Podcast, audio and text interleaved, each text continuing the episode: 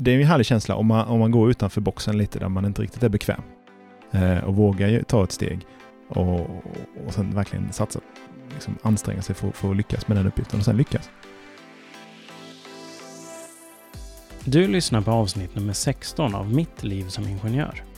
Dagens gäst har utbildat sig till civilingenjör i Lund, där han var en av de första att läsa ekosystemteknik när programmet introducerades. Efter examen jobbade han som konsult inom flera olika områden och intresserade sig mer och mer för geotermi. Idag är han delägare i bolaget Energy Machines och är verksam i Malmö. Under samtalets gång berör vi ämnen såsom militärtjänstgöring, skillnaden mellan olika konsultbolag, att starta eget, det nischade området geotermi, miljöutmaningar och mycket, mycket mer. Jag heter Jens Termén och det här är mitt liv som ingenjör. Välkommen Jens. Tack så mycket. Min första fråga till dig är, när visste du att du ville bli ingenjör? Det tror jag inte jag vet än, ärligt talat. Eh, jag har alltid gjort det jag tycker varit intressant och roligt och det har liksom bara lett mig in på det spåret skulle jag vilja säga. Mm. Vad var det du tyckte var intressant och roligt när du var, gick i gymnasiet till exempel? Jag tycker det har alltid varit roligt med eh, hur saker och ting funkar.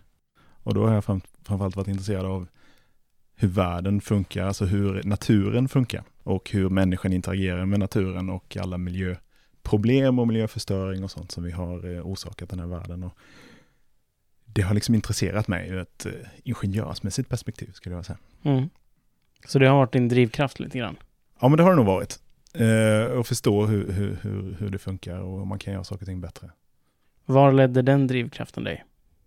Det började nog egentligen med att jag eh, var utbytesstudent eh, som på eh, gymnasiet på Hawaii. Och där finns det väldigt mycket vulkaner. Eh, och det är ju väldigt häftigt med vulkaner. Liksom. Och samtidigt så eh, läste jag någonting som kallas Earth Science där. Och då börjar man förstå hur, hur vulkaner bildas och, och så väldigt häftiga studiebesök ute i, på de här vulkanerna på Hawaii. Då. Så att Bland annat var vi på The Big Island på Hawaii, den stora ön, eh, där eh, de största vulkanerna finns som är aktiva också. Men längst upp på de vulkanerna finns det också observatorium. Mm. Observatorium, eh, astronomiska observatorium med stora teleskop och eh, klimatobservationer. För det finns ju, Hawaii ligger mitt ute i Stilla havet, så långt egentligen från mänsklig aktivitet man kan komma. Mm. Och eh, där gör man atmosfärsmätningar och där kunde man se då hur frioner freoner eh, i atmosfären har ökat och hur det orsakar hål i ozonlagret. Så gjort mätningar där och sen så berättade de att eh, ja, vi eh, förbjöd freoner och då kunde man se hur freonhalterna gick ner och hur ozonhålet har gått tillbaka. Och, sådär. och det, det var spännande och sen så pratade man om vulkaner och hur vulkaner spyr ut en massa eh, svavel och partiklar i atmosfären, hur det påverkar klimatet också. Ehm, så kopplade ihop de här två grejerna och tyckte det var eh, spännande helt enkelt. Men det finns ju många utbildningar som leder till ett jobb med det. Varför var det just ingenjörsutbildningen som var intressant för dig? Men det är som många andra säger, liksom, det håller många dörrar öppna. Mm. Eh, så är det. Eh, jag var egentligen inte intresserad av matematik överhuvudtaget. Jag tyckte fysik var roligt, jag tyckte kemi var roligt, jag tyckte biologi var roligt, men inte matte. Jag fick skäll av min fysiklärarinna som också var min mattelärarinna på gymnasiet att jag hur kan det vara så bra på fysik och så värdelös på matte? du får skärpa dig liksom. Men jag hade liksom inget intresse av det. Men det var så här min pappas kompisar. Han är journalist och ekonom, men han har lite olika kompisar och bland annat någon som var ingenjör. Så när de var hemma på, på besök hos min pappa så brukade jag gå och fråga om några matteproblem som jag hade i gymnasiet. Så, här, Eh, så kunde jag få hjälp av dem. Så tänkte jag, ja men de kan ju det där med matte, så kanske om man ska lära sig det så kanske man ska bli ingenjör. Och så eh, valde man ju då, jag hade ganska bra betyg i gymnasiet, så jag tänkte att jag ville läsa någonting som jag kunde bli något annat på. Man kan ju bli läkare eller advokat eller vad som helst. Liksom. Men det där lät ju inte så himla intressant det heller, tyckte jag inte. Och massa plugg och sånt. Så, eh, eh och så läste min bror naturvetenskap. Och så ville inte jag göra likadant, så då tänkte jag, då läser jag teknik. Så gjorde jag det. Och sen eh, skulle jag läsa vidare. Och då letade jag egentligen efter den ingenjörsutbildningen med minst matte. Och så hittade jag kemiteknik som jag tyckte verkade någorlunda intressant och intressant ur just de här miljöperspektiven och det också då som jag är intresserad av. Och då Sökte in på det, kom in, eh, men sen blev jag också inkallad till eh, militärtjänstgöring. Så skulle jag då börja med det i januari och jag tog studenten i, i maj då när man Mm, brukar ta studenten. Ehm, så då fick jag söka uppskov på den antagningen och sen under tiden jag gjorde militärtjänstgöringen så dök den här ekosystemteknikutbildningen upp. Och då kände jag att fasen, det här är ju precis det jag vill läsa och den har minimalt med matte i uh, ingenjörsprogrammet. liksom. Så tänkte jag, men då tar jag det. Eh, och så sökte jag in på det istället och så, så kom jag in. Så det var lite av en slump egentligen, att den kom upp precis då när du... Ja, precis, för det var ju första året som Mm. den, eh, den utbildningen gick då, 98, som den startade. Mm.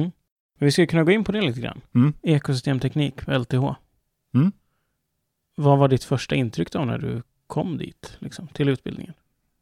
Hade du hamnat rätt direkt? Ja, jag kommer ihåg det första, eh, får man göra ett sånt här, vad heter det, profylaktiskt eh, mattetest va? Nej, vad heter det så? Nej, ja, jag kommer inte ihåg vad det heter, men det är i alla fall något sånt test man, eh, man får göra, så här kolla om man ligger i sina mattekunskaper, Mm. man, ja, så här första, första dagen.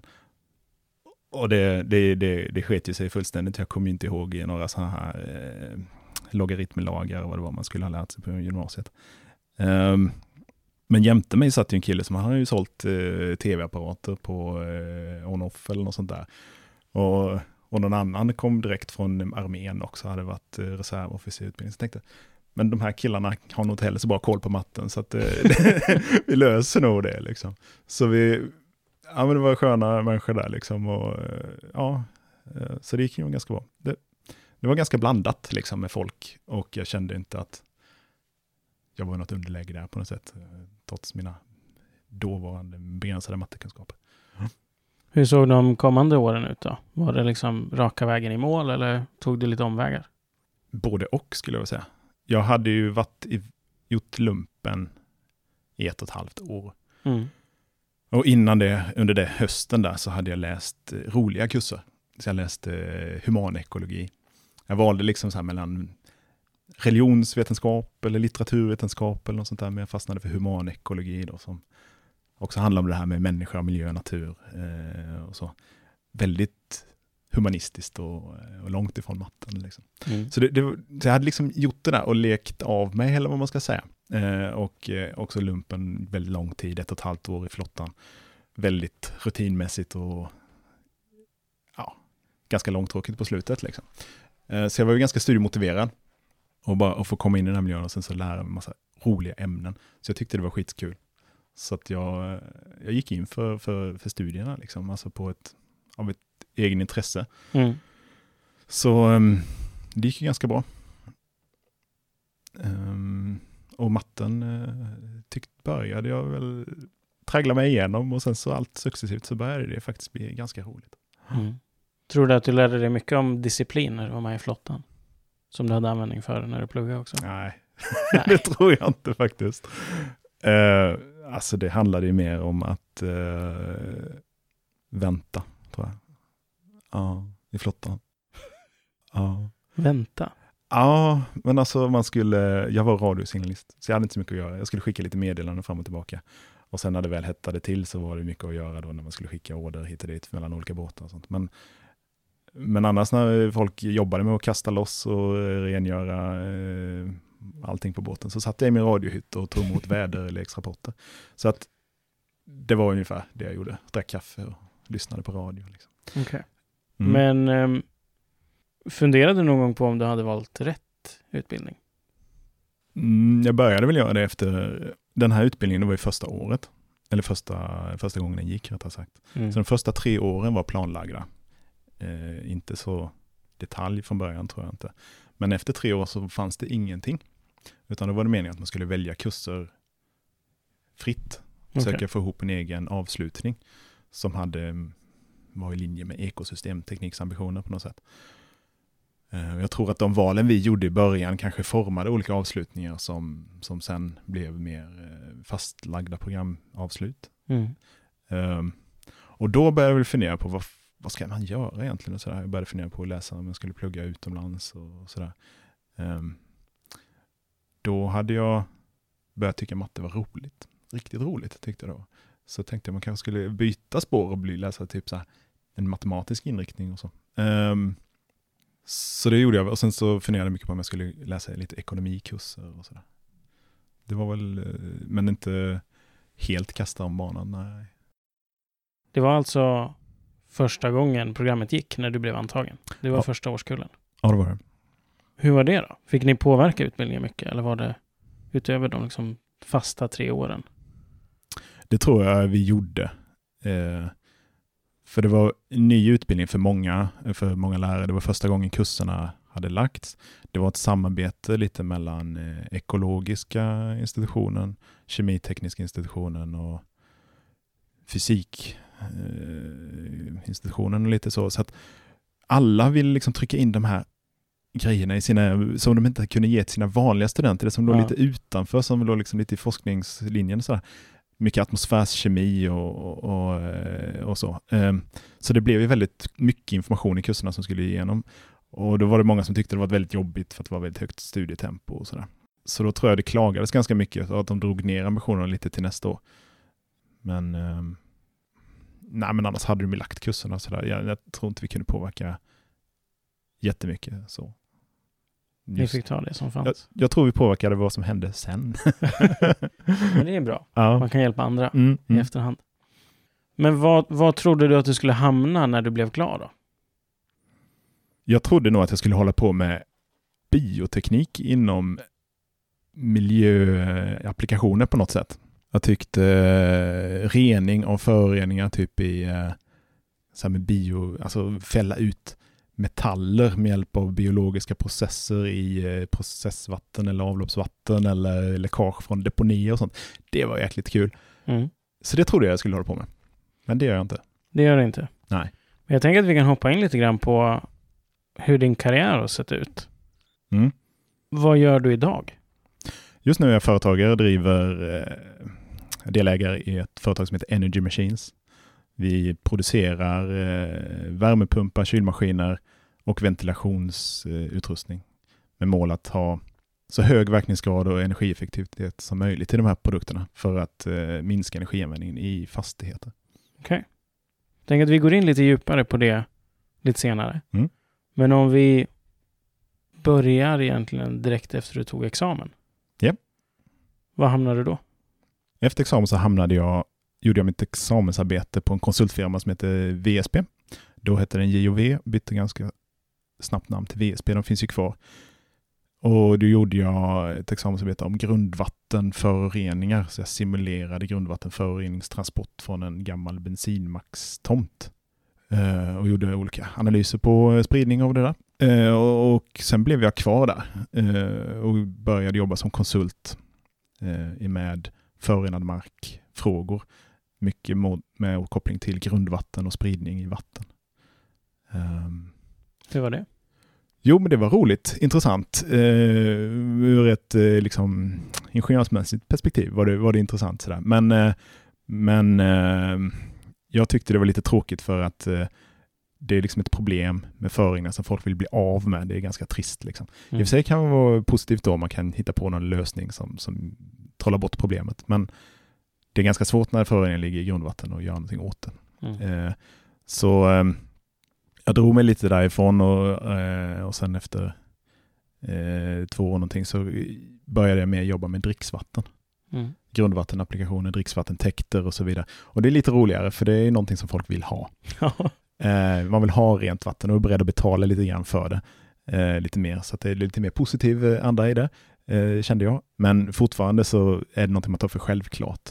Mm. Eh, och eh, så började jag med, mer och intressera mig för, för, eh, för energi då. De här miljöfrågorna som jag var, intresserad av. Kan man inte använda grundvatten, kan man inte använda marken för att utvinna energi på något sätt? Och kom in på det här med värmepumpar eh, och det som vi kallar geoenergi eh, som är lite större eh, bergvärmeanläggningar där man kan ta både värme och kyla för större fastigheter. Mm. Ehm, och började jobba mer och mer med det. Eh, och det är roligt, liksom, för då kan man spara, både göra energibesparingar som är bra för miljön, men även ekonomiska besparingar eh, i fastighetsdriften. Då, så att eh, det är liksom en win-win-grej. Man både sparar miljö och pengar. Mm. Och det vill folk så att säga investera i. För, och då, eh, då blir det mer go i projekten. Mm. Mm. Men var allt det här på, på VSP fortfarande då eller? Ja, eh, jag jobbade först i Stockholm på VSB. Eh, och sen eh, fick vi barn eh, ganska tidigt. Eh, och i den vevan så, eh, så kände vi att vi, eller min fru ville kanske komma närmare sina föräldrar och vi behövde mer stöd därifrån. Liksom. Och då hade hennes föräldrar flyttat ner till Malmö, så flyttade vi till, till Malmö också. Eh, och så bytte jag bara inom VSB, för det var enkelt att göra. Eh, och sen jobbade jag kvar några år i Malmö. Och sen när man kom in mer och mer på energi så, så var det ett annat företag som heter Sweco som, eh, som hade kommit lite längre med det här med geoenergi. Och eh, som jag tävlade lite mot, eh, kände jag själv i alla fall. Så här. Och sen rätt vad det var så ringde de i alla fall och frågade om jag inte skulle börja jobba hos dem istället. Eh, och då var det lite olika skäl till det, men då tyckte jag att det var spännande, så började jag jobba där. Mm. Eh, Vilka skäl var det? Ja, men jag hade... Jag ville driva vissa frågor lite för...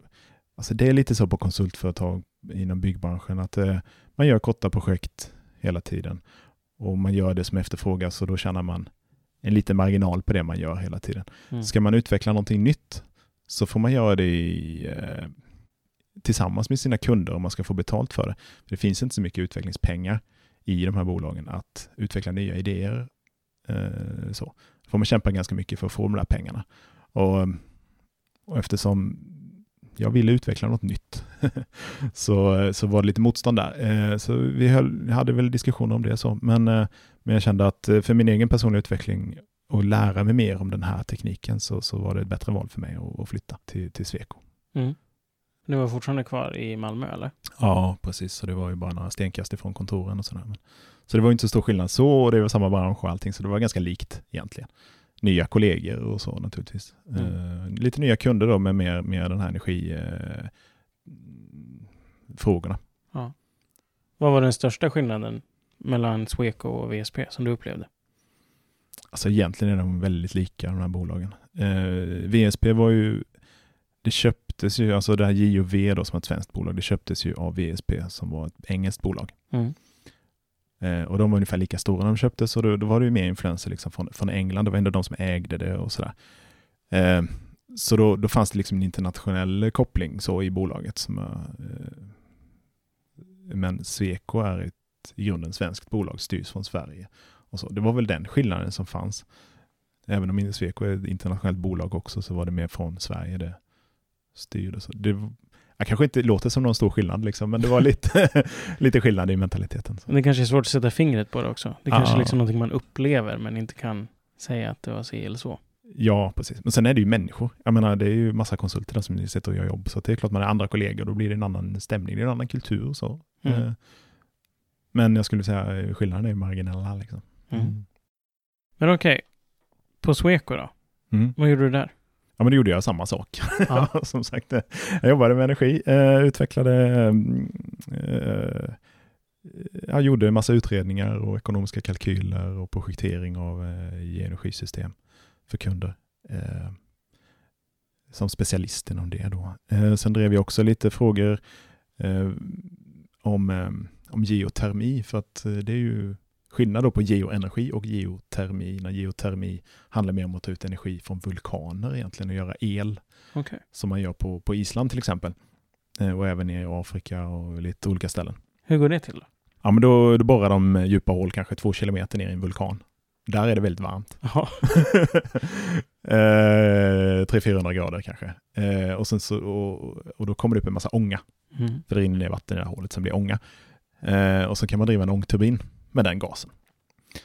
Men det kan vi inte göra i Sverige, för här har vi liksom ett kallt urberg. Sen, Ja, jag har inte så mycket vulkaner heller. Nej, inte så mycket. Så att eh, det har gjorts lite tillämpningar på om man borrar i Lund till exempel, om man borrat tre kilometer ner i berget för att hitta värme till fjärrvärmeapplikationer. Eh, Men det la man ner i det projektet. Alltså. Eh, Så det är inte så stort i Sverige, men det är väldigt spännande. Mm. Eh, Så jag hade lite projekt där vi samarbetade med islänningar som, som kan det här. Och Sweco hade mycket folk i Afrika som höll på med eltransmission och eh, ledningar och sånt. Eh, Så kunde vi knyta ihop dem och ta kompetens från Island och lokal närvaro från Sweco i Afrika. Knyta ihop det och, och ja, det drevs ett projekt i alla fall, det byggdes ett geotermikraftverk, en turbin. Okej. Um, så lite sånt höll jag på med också. Fanns det mycket liksom, kunskaper runt om i världen som ni kunde ta, ta hjälp av? Ja, alltså um, det är en ganska liten bransch. Mm. Så att islänningarna är jäkligt duktiga på det helt enkelt. Och det finns en handfull firmor som är konsulter och så finns det ju eh, energibolag då som driver de här anläggningarna. Och så finns det en forskningskultur runt det där då, så de är jätteduktiga på det. Eh, men de är ganska få eh, och de kanske inte har jättemycket kontakter ute i världen och möjlighet att driva stora projekt. Så det fanns liksom en möjlighet att, nyttja liksom svensk kompetens och närvaro på plats och lite internationella samarbeten så för, att, för att nyttja den kompetensen de hade. Då. Mm. Fick du åka utomlands någonting i samband med det också eller var du kvar i Sverige? Jag åkte en del till Island och lite runt på konferenser runt om i Europa. Så. Mm. Um, hade kollegor som åkte ner till Afrika och gjorde, gjorde grejerna där. Då. Mm. All right. Mm.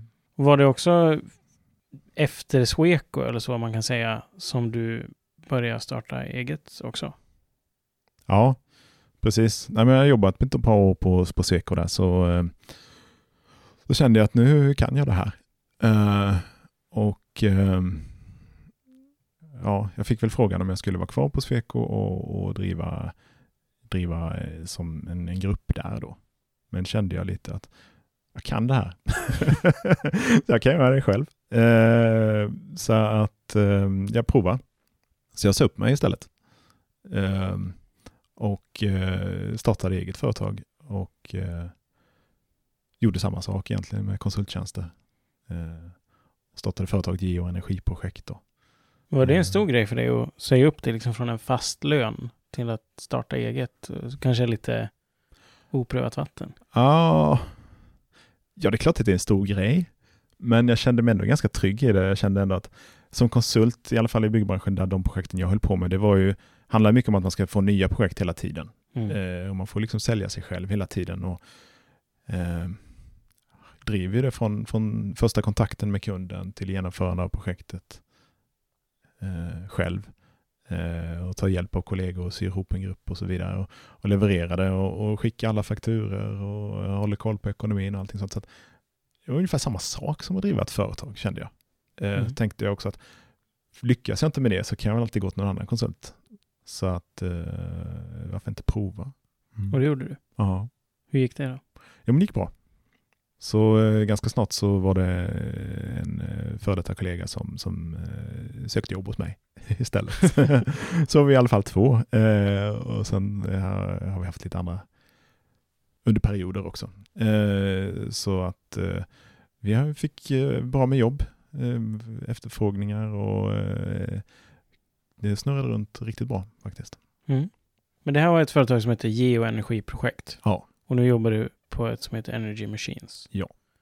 Hur, hur såg den vägen ut? Ja, alltså geoenergibranschen är ganska liten. Aha. Så man känner varandra lite så, alla som håller på med detta i Sverige. Det finns lite branschträffar och, och sånt. Eh, och eh, eh, de här människorna från Energy Machines hade jag träffat några gånger och visste vilka det var och tyckte att deras produkter var, var väldigt intressanta. Och de tänkte rätt, de tänkte ganska lika som jag.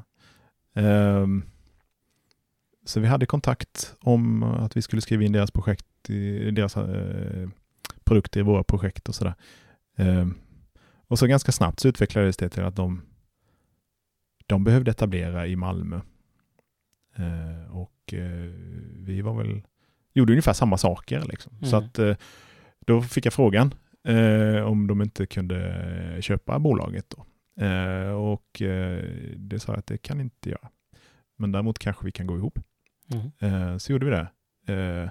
och jag tyckte det var väldigt roligt för att konsulttjänst i all ära, men det, man producerar ingenting som är beständigt ur sitt eget perspektiv. Det mm. kanske är beständigt hos kunderna man hjälper dem genomdriva ett projekt. Och sånt, men, men eh, konsulttjänsten slutar när jag slutar jobba. Mm. Och då slutar också intäkten. så att eh, det, liksom, det, det mal ju på sådär. Eh, men om man producerar någonting som är en produkt eller ha en fabrik, eller något, det kändes, känns lite som då gör man något som är lite mer beständigt. Så. Som kanske kan eh, generera lite pengar även om jag inte jobbar. Kanske den här eh, produkten kan sälja sig självt, eller inte sig självt, men, men finnas kvar i alla fall. Um, så det, det, tyckte jag var, var spännande att liksom byta bransch. Så. Hur kommer det sig att du inte ville att det skulle bli uppköpt, men att ni kunde gå ihop istället? Men man är ju lite entreprenör, liksom. vill, eh, vill känna att eh, det man gör eh, kanske betalar sig. Att man gör en insats som, som förhoppningsvis ger en, någon kickback i framtiden. Så. För om man är lön så i all ära, det får man ju stadig inkomst varje månad. Så. Men tror man på, på någonting så kanske man kan satsa lite mer och kanske få tillbaka lite mer. Eh, och det blir mer personligt på något sätt. Mm. Så att det, ja men det är väl lite det här, uh, ja men tror inte jag på det så varför ska någon annan tro på det? Då? Hur många är ni som jobbar på Energy Machines? Vi är väl 25 kanske, något sånt. Eh, lite, lite osäker ärligt talat. Beroende på vilken veckodag det är. ja, men lite så. Eh, ja, men vi, vi utvecklar hela tiden nya grejer och vi eh, tar in eh, lite nya. Eh, vi, vi, köper upp lite eh, innovationer och så också och därmed kommer det med lite människor med dem. och så har vi lite projektanställda och lite sådär. Men, men runt 25-30 personer. Mm. mm. Och på Sweco är det några tusen? Ja, jag vet inte vad de är där, 20, kanske 15. Jag vet inte riktigt nu vad de är nu. Eh, kanske inte så många. 10 Ja, då. men de är ett, ja. ett, gäng i alla fall. Några tusen. Ja. Det är nog ganska, oavsett hur många tusen de är, så är det en storleksskillnad mellan, säg 10 000 och 25 stycken. Ja. Hur upplever du den? Vilken föredrar du? Ja, men alltså, eh, i en stor organisation, man är en liten kugge oavsett. Uh, uh, man har inte så mycket att säga till om. Liksom. Även om man har mycket frihet och får göra vad man själv vill. Och de här stora bolagen de funkar lite så att eh, det är små enheter mm. och de har eget resultatansvar. Ja. Så det blir liksom en liten enhet som har ett eget ekonomiskt ansvar och man är ansvarig för det. Mm. Så det blir som att driva ett litet företag i det stora företaget. Men man har ju samhörighet med, för det är firmafester och det är liksom gemensam ekonomi. Och så här, det går ju inte omkull liksom för att det går dåligt för en liten enhet och sådär. Eh, är det ett litet företag så, så, så har man ju, ja då är det ju lilla, lilla enheten mot världen. Liksom. Mm. Eh, går det bra så, så, så, får man ju behålla alla pengarna. De försvinner inte till en overhead eh, i det stora bolaget. Liksom. Eh, men går det dåligt så ja, då går man ju i konkurs. Liksom. Ja. så det är ju lite, det är ju lite mer på riktigt kan man väl säga. Eh, så. Och sen har man ju inte tillgång till hur mycket resurser som helst, utan man får ju man får göra lite mer saker. Man får ju gå och köpa frimärken ena dagen och man får ju liksom göra årsbokslutet nästa dag och man får träffa kunden en annan dag och, eh, och sådär. Så det är ju uh, det är mer varierat. Har allting gått som du har tänkt med det egna bolaget? Ja, det kan jag väl säga. Vad skönt. Ja. ja. Jo, men, nej, men det, det, det, det har rullat på liksom. Uh, man får ju se till att man har att göra och inte gräva ner sig i uh, interna processer utan jobba utåt hela tiden. Um, mm. Vad gör du en vanlig dag? Pratar tror jag.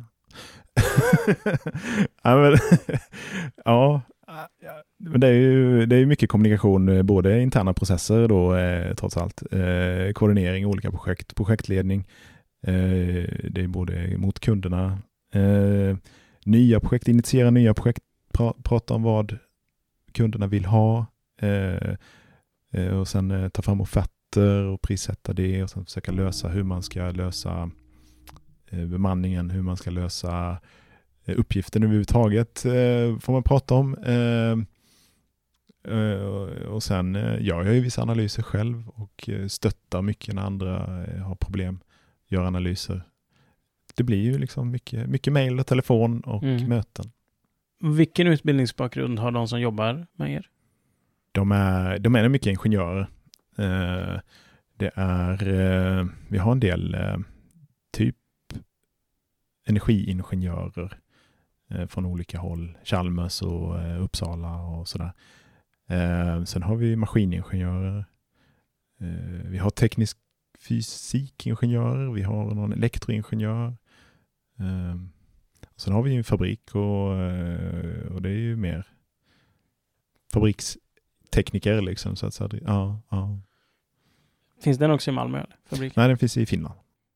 Mm. Nu har det ju varit en, en väldigt varm sommar. Ja, Det har pratats mycket om eh, miljö. ja. Vad har du tänkt den här sommaren?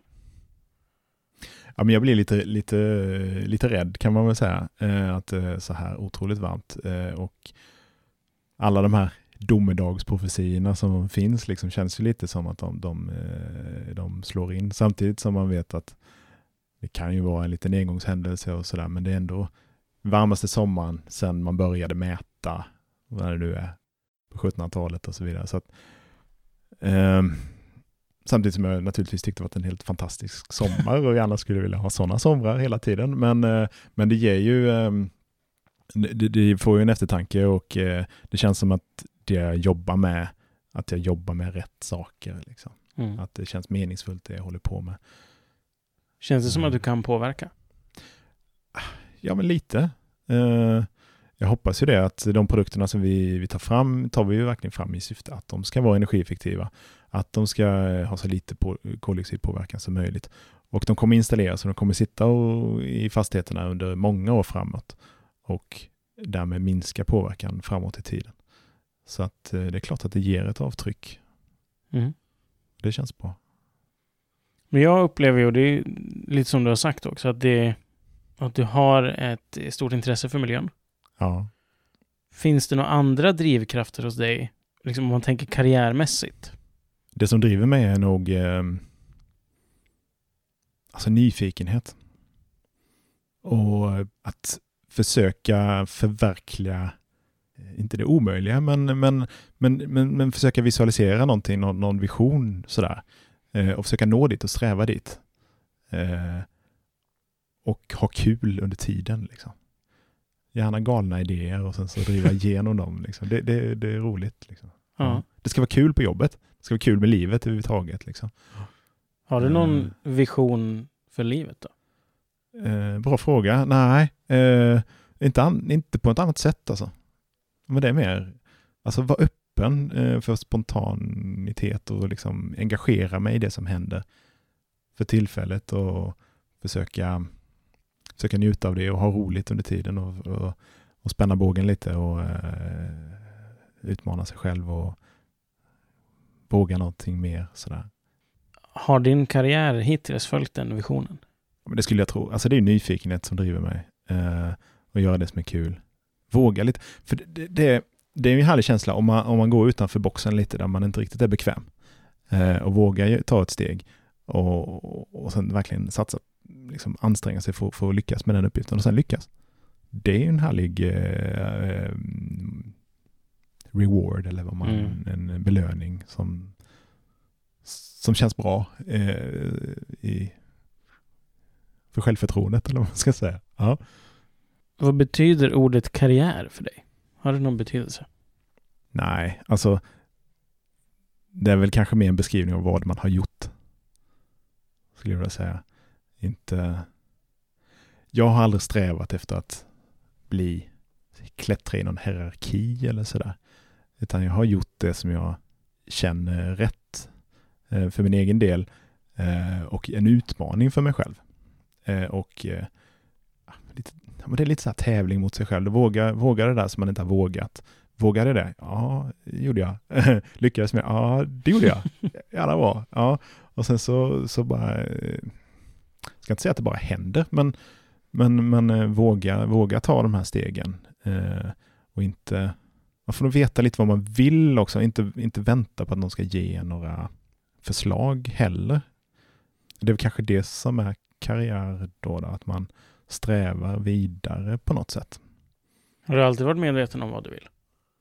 Alltid kanske jag tar i, Ja, men alltid är nog att ta i. Ja, men eh, i korta cykler skulle jag säga. Alltså, jag tänker nog kanske mer om tre månader, om två år max. Liksom. Vad kan jag göra i den här situationen för att hitta något roligare nu? Liksom. Så det är hela tiden en strävan och rörliga mål, eller vad man ska säga. Mm. Din definition av karriär, är den samma nu som den var när du var student tror du? Eller tror du att du var mer orolig då? Så jag upplever att du är ganska lugn nu. Gör du? Ja, det var roligt. Ja, eh, jag, eh, vill, jag vill ju ha ett intressant jobb liksom. Och det är klart att jag trodde att man fick ett mer intressant jobb om man hade mer att säga till om. Så därför, ja men projekt var intressant då på något sätt. Um, när man fick styra lite själv. Konsultverksamheten kändes, kändes som det skulle passa mig väldigt bra. Mm. Uh, och är man väl konsult, i alla fall i byggbranschen, så, så, så är det ganska platt. Liksom. Uh, det är svårt att göra karriär där. Eh, då är väl karriär då att bli eh, gruppchef och sen avdelningschef och sen är det liksom vd. Det finns inte så många steg där och, och är man då... Jag tyckte nog alltid att det var roligare med projekten och driva dem än att bestämma vad andra ska göra. Liksom. Som kanske den där klassiska chefsgrejen då ja. eh, och karriärsteget. Så att, nej, det har väl inte lockat mig på det sättet. Eh, den hierarkiska karriärstegen, nej. Du sa ju att det är bra att veta vad man vill göra. Mm. Hur, hur listar man ut det då? Ja, det är ju en bra fråga. Ja, men det är väl, man kanske ska prata lite med folk. Vad de gör. Eh, och så tycker man någonting intressant. Gå lite efter hjärtat och inte vad andra tycker. Tror jag. För är man intresserad av någonting så lyser det igenom. Och då har man lättare att nå fram och lättare att nå de målen för andra kanske tycker att ja, men den här människan är rolig att jobba med för den vill ju någonting, tycker det här är kul. Jag har märkt att det är lättare att få folk intresserade om man frågar vad de är intresserade av. Alltså lite paradoxalt nog, alltså de som bara babblar, babblar, babblar som jag gör nu här. Mm. det, det, är ganska ointressant egentligen, eller man kan framstå som ganska ointressant. Men det, det man kanske är mer intressant om man frågar vad någon annan gör. Eh, så att vara vetgirig och nyfiken på det sättet gör också kanske att man kommer andra människor lite närmare och därmed kanske får lite bättre koll på vad de egentligen tycker och vad som är roligt och, på så sätt kan man kanske nätverka på ett kvalitativt sätt. Är du orolig för att du har satt dig själv i ett väldigt smalt fack med, med geotermi och sånt? Ja, lite kan jag ju känna det kanske. Men samtidigt har det också varit min, min grej. Eh, och som har gjort att jag har kunnat starta ett företag med den här specialistkompetensen, som jag dessutom har tyckt varit rolig. Så att det är väl lite så, det kanske var en anledning till varför jag går in i Energy Machines, där man gör produkter och grejer, för att det hade liksom inte gått. Man kan inte starta ett eget, en egen fabrik från ingenting liksom. Nej, man behöver lite resurser. Man behöver lite resurser, så. Eh, så eh, ett sätt att byta bransch har ju varit att vara den här specialisten då. Men, så, men annars, om, det, om inte den chansen hade dykt upp så hade jag kanske varit kvar i det här facket och det kanske hade ledsnat på i längden, vad vet jag. Liksom. Men, mm. men ändå konsultbranschen är mycket projektbaserat. Så det är nya projekt, det är nya människor, det är nya fastigheter, det är nya utmaningar. Eh, så att det är ändå förnyelse i specialistfacket. Så, mm. så att eh, det har jag väl, eh, det tyckte jag väl ändå har varit kul hela tiden. Liksom. Mm. Hur gör du för att hålla dig uppdaterad i det specialistfacket då? Vi har ju lite branschdagar och sånt där i branschen där man håller sig uppdaterad med leverantörer och vad som händer, vad som är nyheter och framförallt i projekten lösa problemen hela tiden. Stöter man på något problem som man inte har stött på innan så då får man ta kontakt med någon, någon som har gjort det tidigare och lära sig i projekten hela tiden. Eh, försöka lösa problem tillsammans med samarbeten. Det är väl så jag, jag jobbar. Om du får eh, se tillbaka då på egentligen hela din karriär, men också kanske studietiden kan vi inkludera. Mm. Vad hade du gjort annorlunda? Jag hade nog kanske åkt utomlands under universitetstiden också. Det hade jag nog försökt göra. Varför då? Ja, men just uh, få lite andra infallsvinklar. Nu var jag ju iväg på, på, på gymnasiet då och det var ju väldigt, väldigt utvecklande för mig. Uh, jag, kanske, jag vet inte om det är annorlunda när man är lite äldre och har satt sig själv lite mer. Jag var iväg när jag var 17. Man är, man är väldigt formbar när man är 17. Mm, liksom. det är man. Så att jag blev ju amerikan, så att säga där. Eh, och eh, har ju med mig det eh, som en parallellt liv i någon mening. Eh, väldigt utvecklande, sätter perspektiv på, på Sverige och svenska värderingar och så vidare. Jag tror att det är väldigt berikande eh, för hur man kan tänka och inte låsa in sig i, i eh, kanske hur, hur man brukar göra här. Och så. så jag tror att, att ha gjort det på universitetet också tror jag. Jag hade gett kanske samma grej då, men även liksom på en djupare eller mer akademisk nivå, mer på den, eh, det som jag skulle hållit på med nu då. Mm. Mm. Och karriärmässigt, finns det någonting du hade gjort annorlunda? Jag kanske hade bytt lite oftare. Men, eh, nej, men jag trivdes himla bra där jag var hela tiden. Så att eh, jag är väl nöjd med det. Så, ja. Varför, varför upplever du att du kanske borde ha bytt, även om du trivdes? ja, det är en bra fråga. Ja, men det, är väl så här. Det kan ju alltid vara gröna på andra sidan. Liksom. Och det har inte jag provat. Då. I de, eh, det vet jag inte. Det kanske hade varit bättre. Alltså, den nyfikenheten där kanske, eh, kanske gnager lite. Så. Mm. Ehm, men eh, Men hade du bytt liksom inom konsultbranschen då, eller bytt till någonting helt annat? Eller? Ja, men lite som du sa där, att man eh, lite, lite nischad blir man ju som specialist i konsultbranschen. Det är inte helt lätt att byta bransch då. Så eh, hade ju inte kanske gått att byta till fordonsindustrin eller så. Alltså, jag vet, mm, så bred är jag inte. Liksom. Nej. Är det någonting du upplever som negativt? Att du inte kan byta till fordonsbranschen, till exempel? Just fordonsbranschen ligger mig inte så nära. Det är kanske elfordonsbranschen i så fall. Men eh, alltså nu har jag, jag har ju världens bästa jobb nu, kan jag ju tycka. Eh, I och med att vi jag är på ett roligt företag. Vi har resurser att utveckla ny teknik och eh, vara nyfikna. Så det, eh, ja, det, är- det är otroligt stimulerande nu, Mm. kan jag säga. Och att vara egen och liksom ha kontroll själv. Nu har jag ju i och för sig en partner, eh, men, ehm, men det är eh, ja, det är ju en frihet och en trygghet på något sätt samtidigt som det är utelämnande och lite läskigt, vilket jag trivs med. ja, sv- mm. Tror du att du skulle ha svårt att gå tillbaka till att vara anställd nu när du har drivit någonting eget? Och upplevt den friheten och den, den delen också? Ah, inte nödvändigtvis. Eh, det beror på lite vad, vad det är. Alltså, mm, jag hade nog sett en anställning som ett konsultuppdrag, skulle jag tro. Eh, och behandlat det på det sättet. Det skulle jag väl kunna tänka mig att göra, men ehm, det Vi får se. vi får se. ja, det känns inte så aktuellt. Ja. Mm. Men vad tror du om... Tror du kommer vara kvar på Energy Machines tills du går i pension eller? Det vet jag inte. Det Det kan fram. hända väldigt mycket med det här bolaget. Ja. Eh, så men jag ska ju, vi ska utveckla det på det bästa sätt som, som går. Liksom. Eh, och, det är inte, och det är inte meningen att vi ska förvalta det här bolaget eh, och att det ska vara likadant hela tiden, utan det är ett innovationsbolag. Vi ska utveckla de nya intressanta produkterna eh, och ta det så långt vi, vi kan, utmana gränserna. Mm. Så att det är inte meningen att det ska vara för evigt, det ska vara, det ska vara rörelse Mm. framåt. Har du någon form av rekryteringsansvar också på det bolaget? Ja, det har jag ju. Så att jag, jag har ju en funktion som regionchef så att vi har ansvarar för södra Sverige och, och alla de projekten som vi har i, i södra Sverige och de ska ju bemannas eh, eh, så. Samtidigt som jag har en del i hur hela bolaget eh, drivs. Mm. Men hur tänker du då, då ur ett rekryteringsperspektiv? När du tittar på studenter till exempel, nyexade. Mm. Vad är viktigt, vad är inte viktigt? Ja, men viktigt är engagemanget och nyfikenheten. Att det är rätt eh, inställning och att man har... Alltså jag, jag tror inte jag ställer så höga krav på att en nyexad ska kunna någonting. Men man ska ha en potential att lära sig om man ska ha en nyfikenhet och en vilja att lära sig.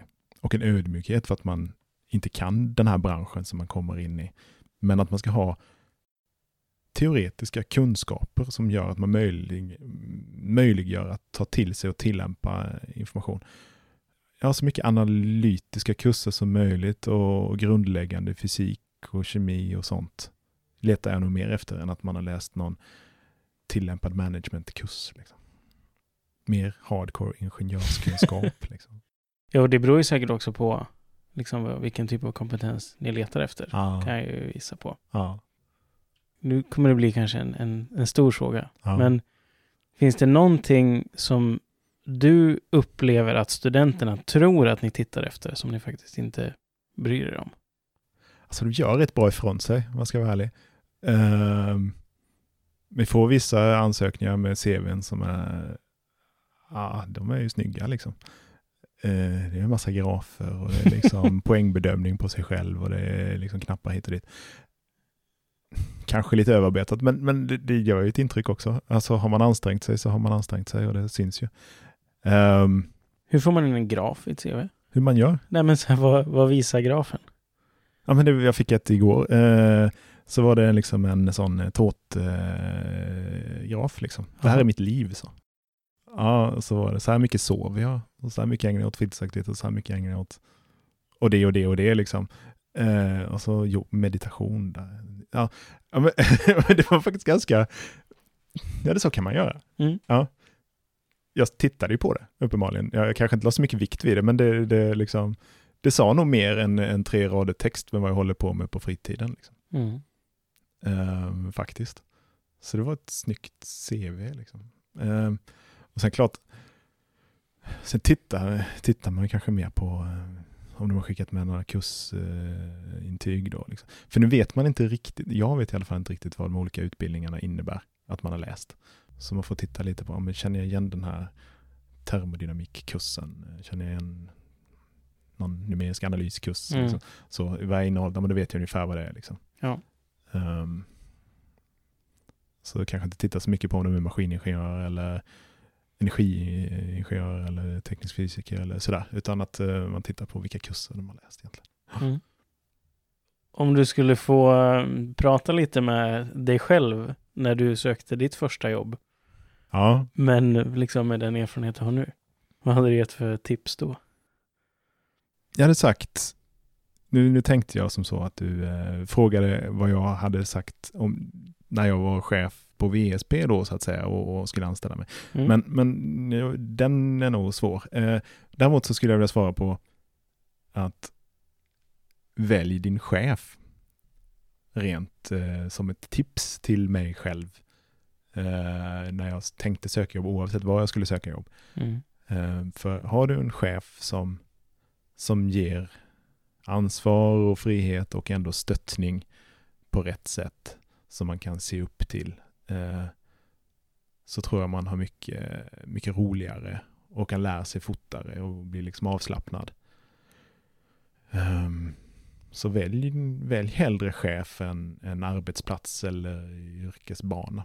Mm. Tror jag. Mm. Det är bra tips. Mm. Men jag tänker att innan vi avslutar Mm. så kommer jag köra lite snabba frågor till dig så. Men du får gärna svara uttömmande om du vill. Okej. Den eh, första. Vilket är ditt bästa LTH-minne? Ja, det är ju många minnen.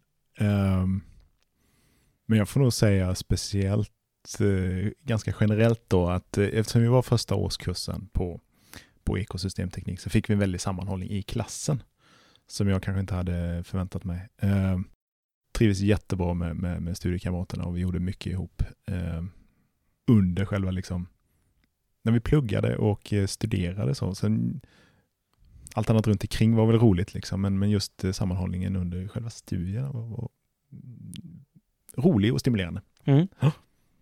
Ses ni fortfarande ibland? Eller hörs ni? Ja, det gör vi.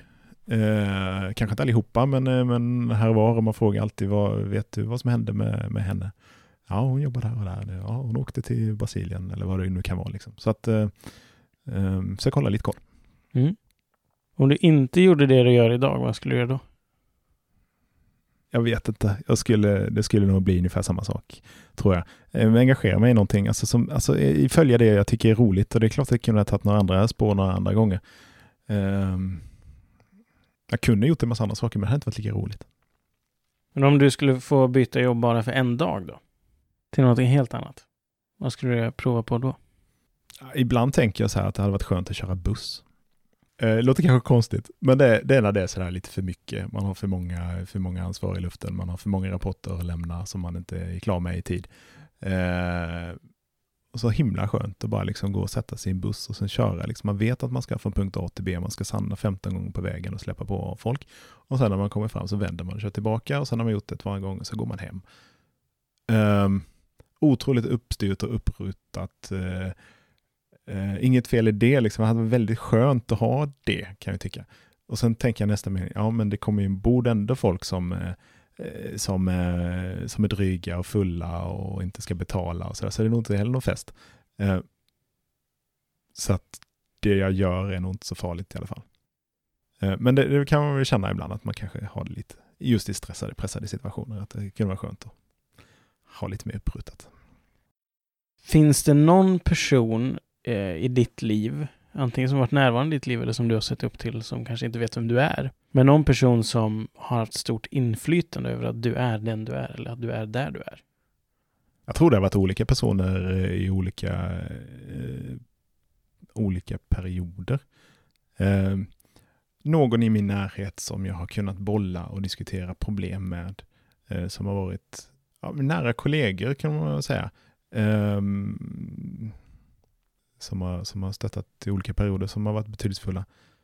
Eh, det kan ju vara små korta eh, saker som någon har sagt i något tillfälle som har haft betydelse också. Och sådär. Men, eh, men jag har inte haft någon generell mentor eller så som har varit väldigt betydelsefull. Utan jag känner nog att jag har gått min egen väg men tagit stöd av, av förnuftiga människor i min omgivning. Mm. Bara förnuftiga eller? uh, ja, det, det, det, det, vill jag väl säga. Ja. ja. Den sista frågan. Vilket är ditt bästa tips till dagens ingenjörsstudenter? Plugga för att du är vetgirig och för att du vill lära dig någonting på riktigt. Inte för att klara tentan. För om du bara pluggar för att klara tentan så lär du dig kanske inte tillräckligt mycket. Och då är det ganska värdelöst. Um, och satsa på de teoretiska kurserna. Och sen, då kan vi latcha mer på de här tillämpade kurserna då kanske. Uh, men uh, försök lära dig något på riktigt. Jag ska inte säga att jag använder min matte särskilt mycket, men jag läste ganska mycket matte till, till att sluta av med. Uh, tyckte det var väldigt roligt. Eh, och det ligger ju i grunden till allting. Så att ehm, en förståelse för hur eh, man kan bygga modeller över allting. Det är väl det som är ingenjörskunskapen i grunden egentligen. Och så, så eh, tillämpad matematik kanske. Det var allt för den här veckan. Vem vill du höra i podden framöver? Kanske finns det en person vars karriär inspirerar dig och som du gärna vill höra mer om. I beskrivningen finns en länk till ett formulär där du kan önska gäster. Det är helt anonymt och tar bara några sekunder. Om du uppskattar innehållet i podcasten får du också väldigt gärna betygsätta den på iTunes eller där du lyssnar på poddar.